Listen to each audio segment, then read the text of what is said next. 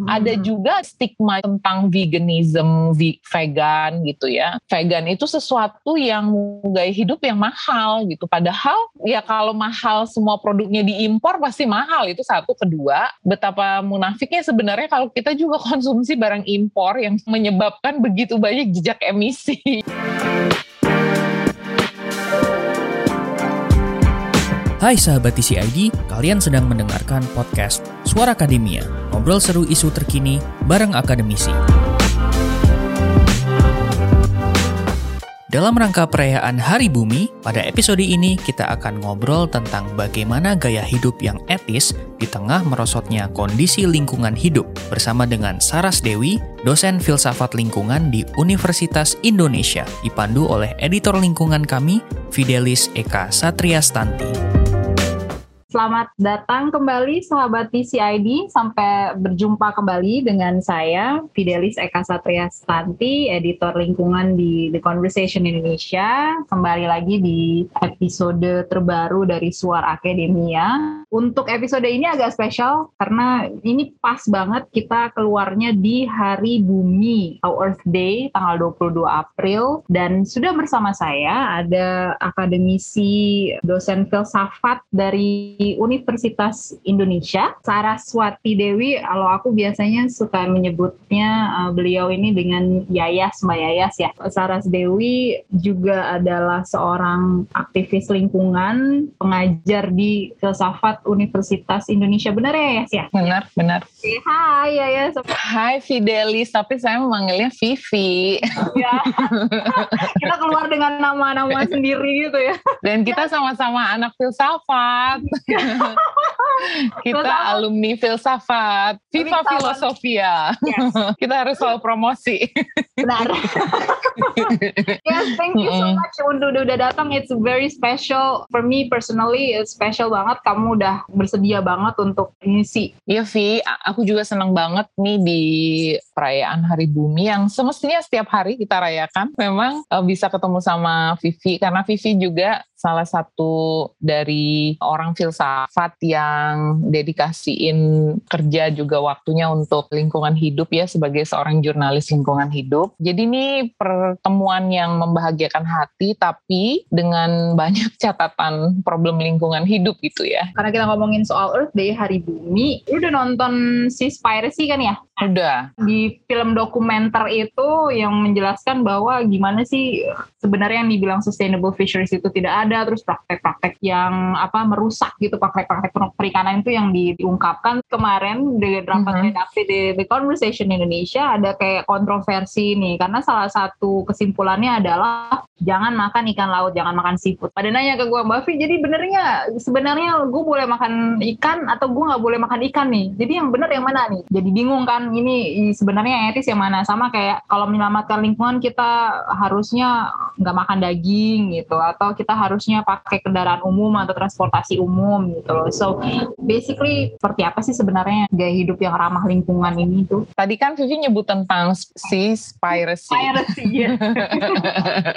itu judulnya juga menurut aku kayak permainan kata-kata yang kurang dapet gitu.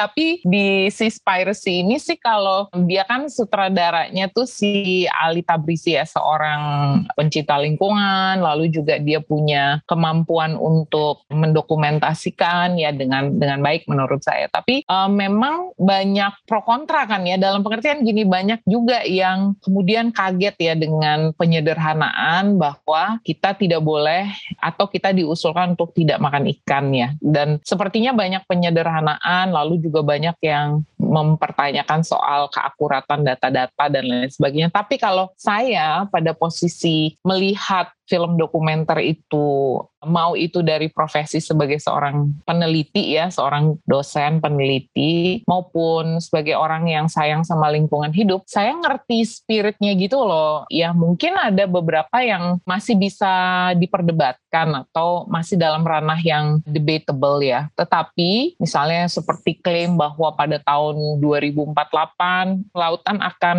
kosong yang seperti itu ya. Itu kan klaim-klaim yang mungkin harus di diperiksa ulang. Tapi saya paham banget gitu kekhawatiran mereka yang sehati itu dengan dengan film dokumenter ini bahwa memang problem penangkapan ikan yang berlebihan atau overfishing itu sudah menjadi problem yang nyata sekali gitu. Dia jadi su sudah jadi problem yang begitu mengkhawatirkan ya. Karena ada sikap yang sangat antroposentrik terhadap lingkungan hidup, menganggap bahwa berlimpah ruahnya sumber pangan kita dari laut itu kita anggap sebagai fakta yang terberi gitu ya. Seolah-olah itu tidak mungkin berubah, suatu yang akan kekal gitu ya. Itu yang bahayanya kalau menurut aku sih ya, ada pandangan bahwa kita bisa mengambil sebanyak apa pun, seberapapun tanpa memiliki konsekuensi apa pun gitu ya. Jadi spiritnya si piracy itu sepertinya di sana bahwa banyak sekali sebenarnya ada banyak upaya hukum internasional untuk mencegah terjadinya kemerosotan lingkungan hidup khususnya di laut, tetapi selalu ada celah dan negosiasi sehingga kita tidak mengubah secara drastis gitu gaya hidup kita. Ini kan sepertinya kan problem gaya hidup ini kan yang lifestyle ini yang menjadi problem ya, khususnya pola konsumsi kita kan yang menjadi problem. Yeah. Tentunya yang itu di laut ya dan itu satu cuplikan saja gitu. Meski kehancurannya itu sangat memprihatinkan, tetapi bayangkan manusia melakukan lakukan di laut juga di darat dan apa yang rusak di laut akan terhubung juga ke darat. Demikian sebaliknya ya. Itu menurut saya yang saya khawatirkan adalah kita sampai pada satu titik di mana kita tidak bisa memutar balikan lagi, kita tidak bisa memulihkan lagi. Itu yang saya khawatirkan. Itu CV yang aku pikirkan ya waktu aku nonton film itu. Itu impresi pertama aku ya di dalam berbagai film dokumenter yang mencoba menguak terjadinya kerusakan lingkungan atau eksploitasi satwa di The Cove uh, Seaspiracy, Cowspiracy, Earthling itu semua film-film dokumenter yang sangat traumatis untuk ditonton tapi itu bagian untuk menambah pemahaman kita juga tentang apa yang sesungguhnya terjadi karena kan kita kalau konsumsi sesuatu kita nggak benar-benar tahu gitu sih apa yang kita konsumsi sering kali. So basically it doesn't really matter gitu ya apakah kita makan daging atau tidak makan daging terus kemudian straws atau tidak. Tapi mungkin lebih kayak the core is basically konsumsinya sudah berlebihan dan we have at some point manusia-manusia ini harus menyadari gitu loh bahwa kalau terus-terusan berkonsumsi berlebihan gitu loh ngambil ikan dengan seenaknya akhirnya nanti ya bumi nggak akan sanggup lagi untuk provide itu gitu loh. Ya mungkin bisa pulih tetapi pulihnya akan lama dan at the expense of manusia itu sendiri gitu ya ya ya Ya iya. pasti yang jadi korban manusia sendiri, tapi yang lebih menyedihkan juga manusia bertindak, tapi juga menyeret atau menyebabkan kemusnahan spesies lain itu kan ya. Kalau kita menyebabkan lingkungan hidup yang terancam atau terganggu manusia saja, mungkin problem moralnya meski itu salah, tapi problem moralnya dipertanggungjawabkan sendiri. Tapi kalau ini kan yang diseret spesies yang lain gitu. Ya gimana ya, Vi? Aku kalau ngelihat juga karena dianggap bahwa selama masih bisa budidaya misalnya itu udah nggak ada problem. Tapi budidaya juga kadangkala punya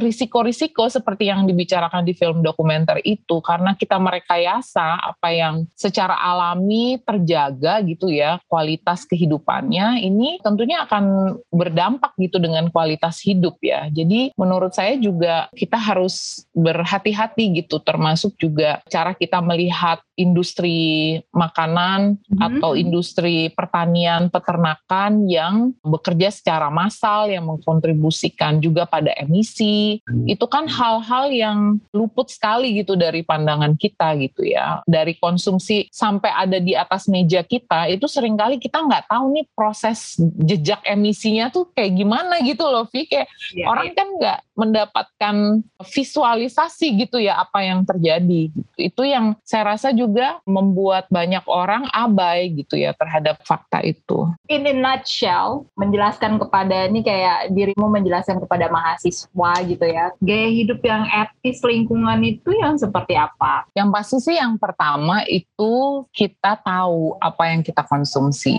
dari makanan yang kita nikmati itu kita tahu ini makanan saya. Soalnya dari mana, prosesnya gimana itu. Itu menurut saya juga sikap skeptis sebagai konsumen yang bagus gitu. Itu juga berarti kita punya sikap kritis dan peduli apa yang kita konsumsi ke dalam tubuh kita. Tapi juga di luar itu soal fashion juga apa pun yang kita beli produk-produk yang kita beli entah itu dari kosmetik atau pakaian atau apa pun kita tahu prosesnya dari mana dan kita tahu siapa yang diuntungkan dengan pembelian ini. Jadi pembelian yang berkesadaran gitu ya atau conscious purchase gitu ya itu menurut saya tindakan individu yang bisa dilakukan karena kalau saya mikir kalau habis kelas filsafat lingkungan itu saya selalu bingung gitu ya mesti mulai dari mana ya dengan problem yang tadi kita obrolin sebegitu besarnya ya soal krisis iklim, kebencanaan yang meradang di tiap saat gitu ya. Kita udah merasakan termasuk pandemi ini juga adalah hasil IPBES misalnya mengatakan bahwa adalah hasil dari pembukaan lahan, pembukaan hutan yang kemudian menyebabkan hilangnya ekosistem sehingga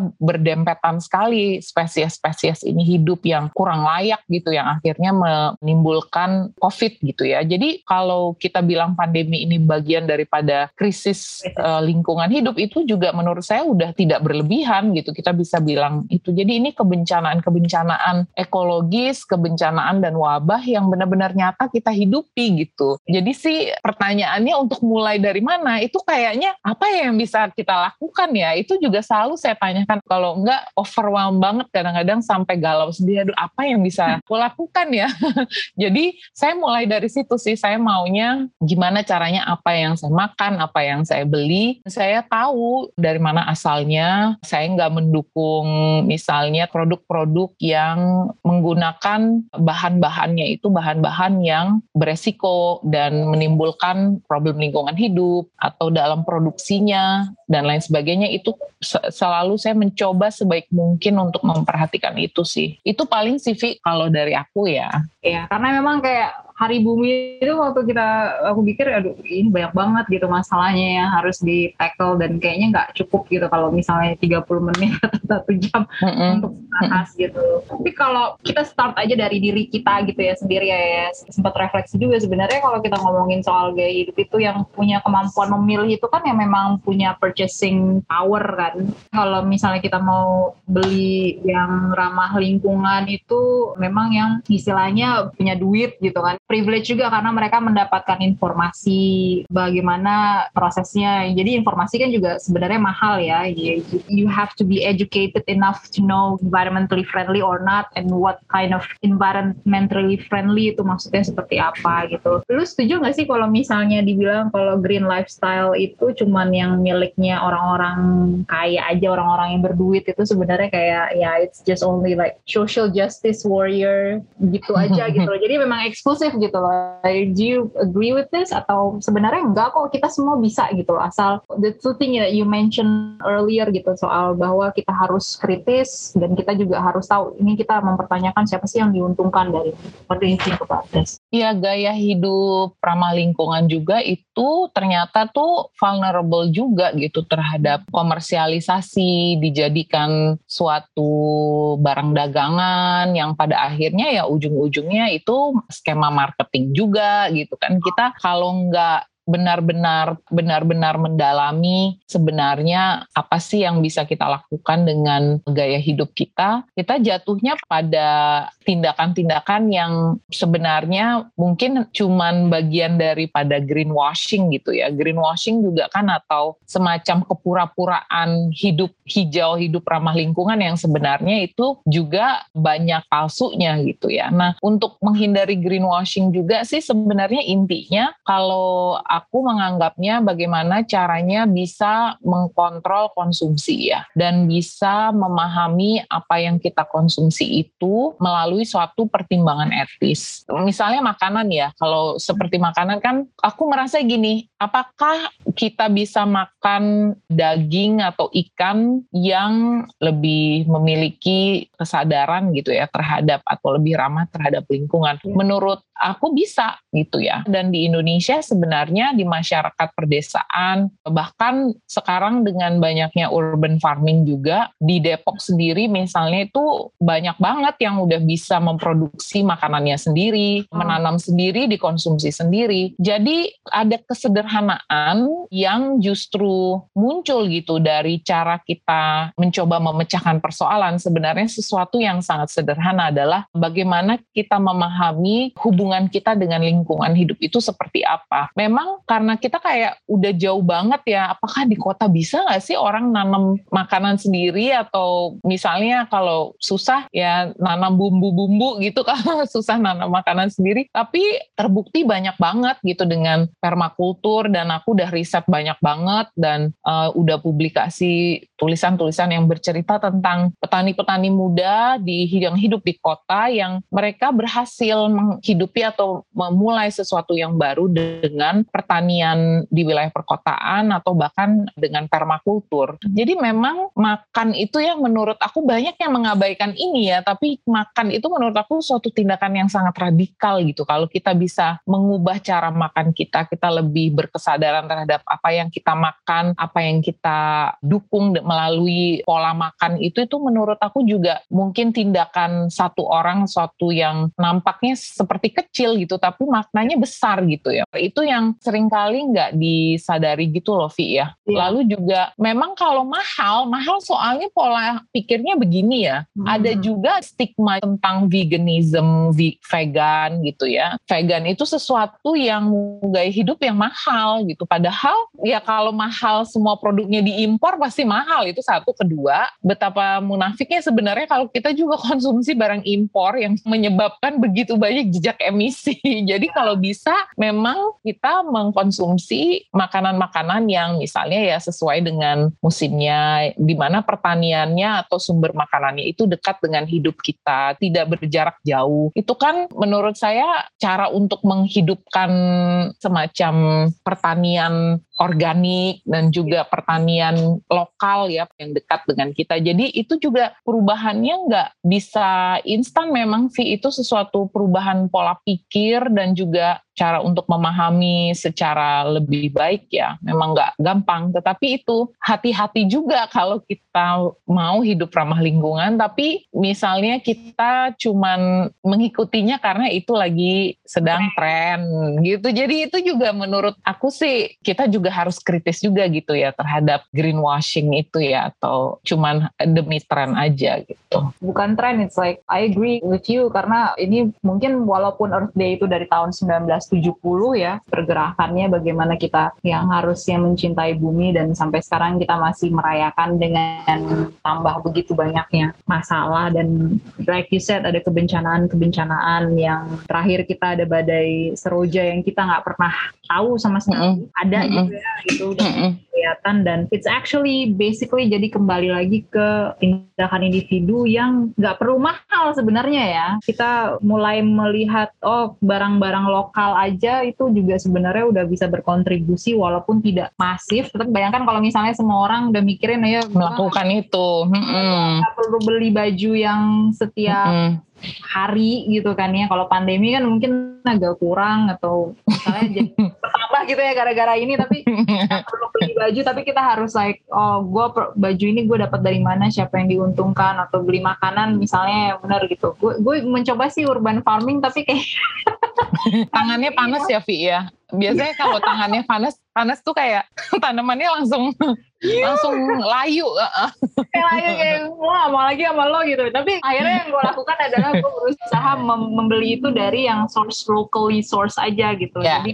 yeah. banyak yang dari luar gitu jadi memang sebenarnya kayak bukan menghakimi pilihan diet orang ya tetapi memang mm -hmm. harus lihat dari sumbernya terus kemudian kita berbenefit ke siapa bagus-bagus berbenefit petani lokal ya membantu petani mm -hmm nelayan lokal dan semua. Hmm. Ya, tapi kalau kita lihat yang fenomena yang terjadi, aku berbaca tadi editorialnya Jakarta Post itu menyebutkan hmm. one of the words that stick on my head is like climate crisis is here. Krisis iklim ini sudah hadir, sudah ada gitu. Dengan begitu banyaknya masalah dan kita harus prioritaskan mana yang pandemi, dan kemudian ekonomi, terus kemudian ngomongin soal menyelamatkan bumi gitu loh. Balik lagi ke reflektif kita nih sebagai alumni filsafat, kalau dirimu kan memang dosen filsafat rapat gitu loh. Do you think that we still have hopes ke depannya gitu loh? Karena seakan-akan ini kan mundur ya dengan pandemi ini dunia seakan berhenti gitu kan dan kita sibuk bertahan dari dampaknya pandemi ini. Jadinya persoalan bumi ini kalau secara kasat nyatanya itu banyak perundingan-perundingan iklim gitu ya yang mundur gitu. But do you think that we still have hopes gitu loh untuk melihat lifestyle yang tadi kamu bilang, terus kemudian perubahan gaya hidup ya mungkin akhirnya kita harus belajar lagi apa itu sebenarnya yang friendly, environmentally friendly. What do you think about this? Kadang-kadang sih sesuka patah arang ya, suka capek ya, karena yeah. kan kita untuk baca laporan-laporan dari lembaga PBB misalnya seperti Intergovernmental Panel Panel on Climate Change atau IPCC data-datanya atau IPBES-nya gitu. Kita kan ngerasa bahwa untuk baca-baca data, oh dalam waktu misalnya kurang dari 20 tahun, 70 sampai 90 persen dari spesies lautan khususnya terumbu karang itu akan terus menurun gitu. Itu kan artinya kita akan kehilangan spesies-spesies yang fundamental gitu untuk sehatnya ekosistem. Lalu juga kalau misalnya membayangkan gitu ya bagaimana di 50 tahun terakhir ini IPBES bilang bagaimana kita sudah kehilangan satu juta spesies ya. ya. Kayak ngebayangin satu juta spesies tuh kehilangan sama 50 tahun. Sekelebat kehidupan tapi intervensi manusia bisa memporak-porandakan satu sistem yang udah bagus, sistem yang cantik, elegan ya. Itu yang kadang-kadang bikin demoralisasi gitu ya, bikin down, bikin jadi sedih gitu ya. Tapi kalau saya mungkin dorongannya bukan optimisme atau pesimisme, tapi saya merasa bahwa semacam punya penebusan gitu ya, lebih ke kewajiban. Jadi ini kerusakan sudah terjadi, apa sih yang bisa kita lakukan untuk menyembuhkan ini atau untuk memperbaiki ini gitu. Kalau kita pasrah sekarang atau ya udahlah biarin aja lah, biarin kita udah terima aja keadaan ini mungkin memang jalannya seperti ini tuh kayaknya kita melarikan diri gitu dari tanggung jawab kita gitu sebagai manusia, sebagai bagian yang terbesar menimbulkan persoalan ini. Jadi paling itu sih ya kalau mau dibilang optimis sama pesimis itu kayaknya udah banyak depresinya gitu lihat kerusakan lingkungan hidup. Dan kalau lihat gimana dampaknya ke masyarakat gitu ya, masyarakat yang hidup di wilayah pesisir misalnya ya dikarenakan problem lingkungan hidup, kan kita juga mengetahui bahwa problem lingkungan hidup itu dekat banget, nempel banget sama yang namanya problem ketimpangan yang ada di masyarakat gitu ya. Jadi dia terikat satu dengan yang lainnya. Pola eksploitasi yang dilakukan di lingkungan hidup itu juga terjadi antar manusia gitu. Itu kenapa sering kali yang menjadi korban juga adalah masyarakat yang selama ini justru berusaha memperjuangkan wilayah hidupnya, tapi dikarenakan praktik-praktik korporasi, praktik-praktik ekonomi yang tidak mengindahkan lingkungan lingkungan hidup yang tidak mengarah pada keberlanjutan itu menyebabkan masyarakat yang justru selama ini hidup bersama dengan adat dan juga tanah ulayatnya mereka yang pertama terdampak gitu ya itu yang juga menurut saya itu bikin tambah sedih lagi gitu ya bahwa dibalik kerusakan lingkungan hidup itu menghilang juga bersamaan dengan hilangnya lingkungan adalah adat budaya jejak masa lalu tentang nenek moyang kita itu yang sangat-sangat menyedihkan. Aku tertarik dengan yang kayak what you said about kita jangan melarikan diri sih ya sebenarnya dan mm -hmm. yang udah terjadi gitu dengan kerusakan kerusakan yang udah terjadi dampaknya seperti yang kamu bilang yang dari IPBES itu IPBES itu kan badan PBB untuk ekosistem mm -mm. ya itu mirip dengan mm -mm. konsorsium ilmuwan mm -mm. konsorsium ilmuwan yang ngurusin spesies-spesies ya kalau nggak salah ya Mm -mm, betul, betul. Nggak cuman spesies aja yang hilang, tetapi juga kultur dan kemudian adat kita juga gitu sebenarnya walaupun kita nggak. It's kind of like heartbreaking ya sebenarnya. iya. langsung melo gitu kita betul. Tapi emang bener itu makanya kalau saya kan vegan tuh udah dari umur 14 tahun ya Vi ya. Dan yeah, motifnya yeah. itu dulu-dulu tuh saya nggak tahu loh Vi. Maksudnya yeah. saya nggak tahu vegan itu apa kan mulainya vegetarian lah ya karena masih makan telur gitu ya masih keju dan dulu waktu saya 14 tahun itu saya nggak tahu apaan vegetarian apa vegan juga nggak ngerti apa-apa tinggal di Bali gitu ya tapi karena saya pernah ada pengalaman lihat makhluk hidup disiksa karena mau dimasak gitu, saya masa kecilnya trauma gitu. Karena trauma itu saya lihat kok hewan itu meskipun bukan manusia ya karena kan mikirnya bahwa yang sebenarnya hewan itu hidupnya untuk manusia ya karena diajarinnya kan selalu seperti itu ya antroposentrik begitu kan. Tapi kok saya mikir lama-lama kok kayak hmm, mereka punya hidup sendiri bisa ngerasain sakit bisa menunjukkan keinginan hidup. Jadi itu hal-hal awal mulanya pilihan untuk vegan itu mulai-mulanya kayak nggak tahu gitu terhadap problem-problem ini semua. Tapi belakangan dari vegetarian karena masih makan ikan laut, tapi lama-lama belajar mengenai oh oke okay, makhluk hidup itu ternyata yang seperti ikan yang nampaknya itu. Makhluk yang sepertinya nggak begitu punya ekspresi ternyata punya sensor rasa sakit tubuhnya bisa merasakan sakit lalu belajar perlahan-lahan-lahan sampai bisa vegan sepenuhnya gitu ya untuk nggak makan dairy dan menyelidiki sebenarnya produksi susu keju itu gimana sih prosesnya? Oh ya ampun ada proses yang seperti itu yang mungkin nggak cocok gitu dengan cara pandang hidup saya sendiri gitu. Jadi menurut saya kita juga tidak boleh juga sih memaksakan ya pandangan hidup kita, kebiasaan hidup kita, tetapi dia butuh pengalaman gitu. Kalau saya sih karena datang dari suatu pengalaman, ada trauma, lalu ada rasa dekat, ada rasa sayang sama makhluk hidup yang lain, saya merasa bahwa mungkin ini jalan yang lebih bagus gitu. Ini gaya hidup yang menurut saya itu jadi lebih bagus untuk diri saya sendiri gitu. Tetapi masih banyak banyak bila pun tidak vegan atau tidak vegetarian, banyak banget hal-hal yang bisa dilakukan yang punya kontribusi terhadap lingkungan hidup khususnya dalam merawat ekosistem asal yaitu tadi kita punya pilihan hidup yang selalu mempertimbangkan etis ya secara etis gitu. Jadi banyak sekali sebenarnya yang bisa dilakukan oleh satu orang. So jadi ini bukan kompetisi gitu ya siapa yang mm -mm. bisa untuk ini tetapi lebih kayak we're doing this together gitu kan ya. Kita kita udah kejadian jadi memang PR-nya mari kita bareng-bareng gitu kan ya untuk jangan like you said jangan melarikan diri dari tanggung jawab gitu kan. Manusia bisa jadi penyebab tapi juga bisa jadi solusi sebenarnya gitu kan untuk memulihkan bumi. Bener nggak sih ya bisa banget. Justru bisa banget. Bisa manusia dengan iya. akal punya akal budi kan. Akal budinya bisa justru jadi kolaborator dengan lingkungan hidup kan. Dia jadi bagian yang penting untuk ya misalnya contohnya Vandana Shiva aja bilang kalau pertanian dilakukan dengan cara yang baik, bertanggung jawab, menjaga tanah, tidak mengeksploit tanah, manusia dengan alam itu jadi co-kreator manusia jadi co-kreatornya kehidupan gitu. Itu menunjukkan bahwa di dalam praktik pertanian berkelanjutan kita kerjasama sama alam gitu. Kita kerjasama sama lingkungan hidup. Itu kan sebenarnya idealnya kita mau mencapai itu ya. Kita yeah. sa saling memperkuat gitu. Ada simbiotik mutualismenya berjalan kan. Kalau ini kan privilege aja manusia kan pinginnya dapetin apa yang bisa aku dapatkan gitu. Tapi kewajibannya tanggung jawabnya itu nggak mau ditunaikan gitu. So it's really like so amazing ya talking to you. We can like talk about three hours about this. Kayak lo sama dengan dirimu sama tiga jam gitu loh. Cause there's a lot of wisdom that I can like extract from you. Tapi kayaknya waktu kita untuk podcast ini sangat terbatas. But if, if you may gitu ya ya, ya, what do you wanted to say to them uh, di di hari bumi ini, di Earth Day ini, as someone yang udah cukup lama juga ya berkutat sebagai aktivis lingkungan juga dan kamu juga mengajarkan gitu loh. You know the science behind of this.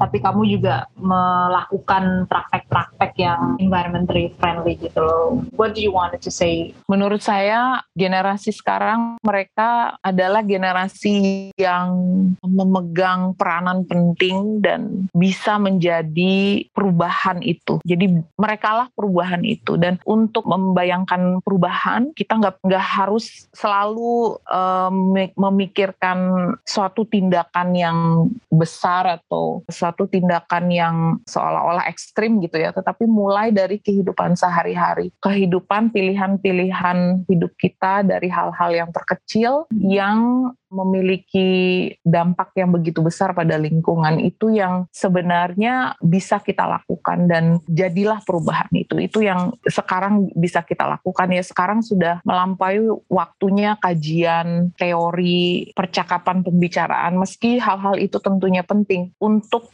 lingkungan hidup kita yang berada di ambang kepunahan ini sekarang tersisa tindakan. Jadi gimana kita melakukan tindakan-tindakan penting penting untuk lingkungan hidup. Itu sih yang bisa saya pikirkan sekarang sih. So I, I'm not going to add more. Uh, kayaknya itu udah bener-bener yang kayak the reflection, the honest reflection ya kayaknya bukan kesimpulan juga tuh juga ya ya. Saya open ended kebutuhan untuk environmentally friendly adalah conscious decisions. Setiap kali kita harus consume sebagai manusia juga bahwa ada makhluk hidup lainnya hewan satwa kemudian tumbuhan dan bagaimana kita berharmonisasi dengan mereka gitu so I think I'm going to leave that to the listener untuk pendengarnya untuk pendengar podcast bagaimana untuk bisa merayakan ya hari bumi ini. Mm gue gak ngerti nih umur ada berapa ya kalau dari dari segi ininya sih pergerakannya kalau hari bumi tahun 1970 ya, ya. Jadi kayak berapa tuh? 51 tahun kah? Benar ya 51 ya? 51 tahun. Nah, tapi sebenarnya usianya lebih lebih tua ya dari ini ya. So jauh lah, jauh lebih tua. Ya, jauh banget, banget kan ya dari 4,6 miliar tahun kalau nggak salah. Gila jauh banget. Kita tuh ya, gue... sekedip mata. ya, lewat doang gitu butiran debu gitu. Beradaannya butiran debu tapi kayak kayak kita mencintai banget ya bumi ini ya maksudnya. Yeah. dan nggak harus orang yang kayak dirimu yang ngajarin environment atau gue yang nulis gitu tapi semuanya bisa mencintai bumi karena there's no planet B. Oh tapi kalau Elon Musk ada sih planet B-nya dia udah planet B-nya di terraforming dibentuk jadi bumi kan jadi dibuat mirip bumi juga this is like our home, our planet. Yeah, there's no planet B, right? Betul banget itu. This is it. This is it. This is our home. Our only home.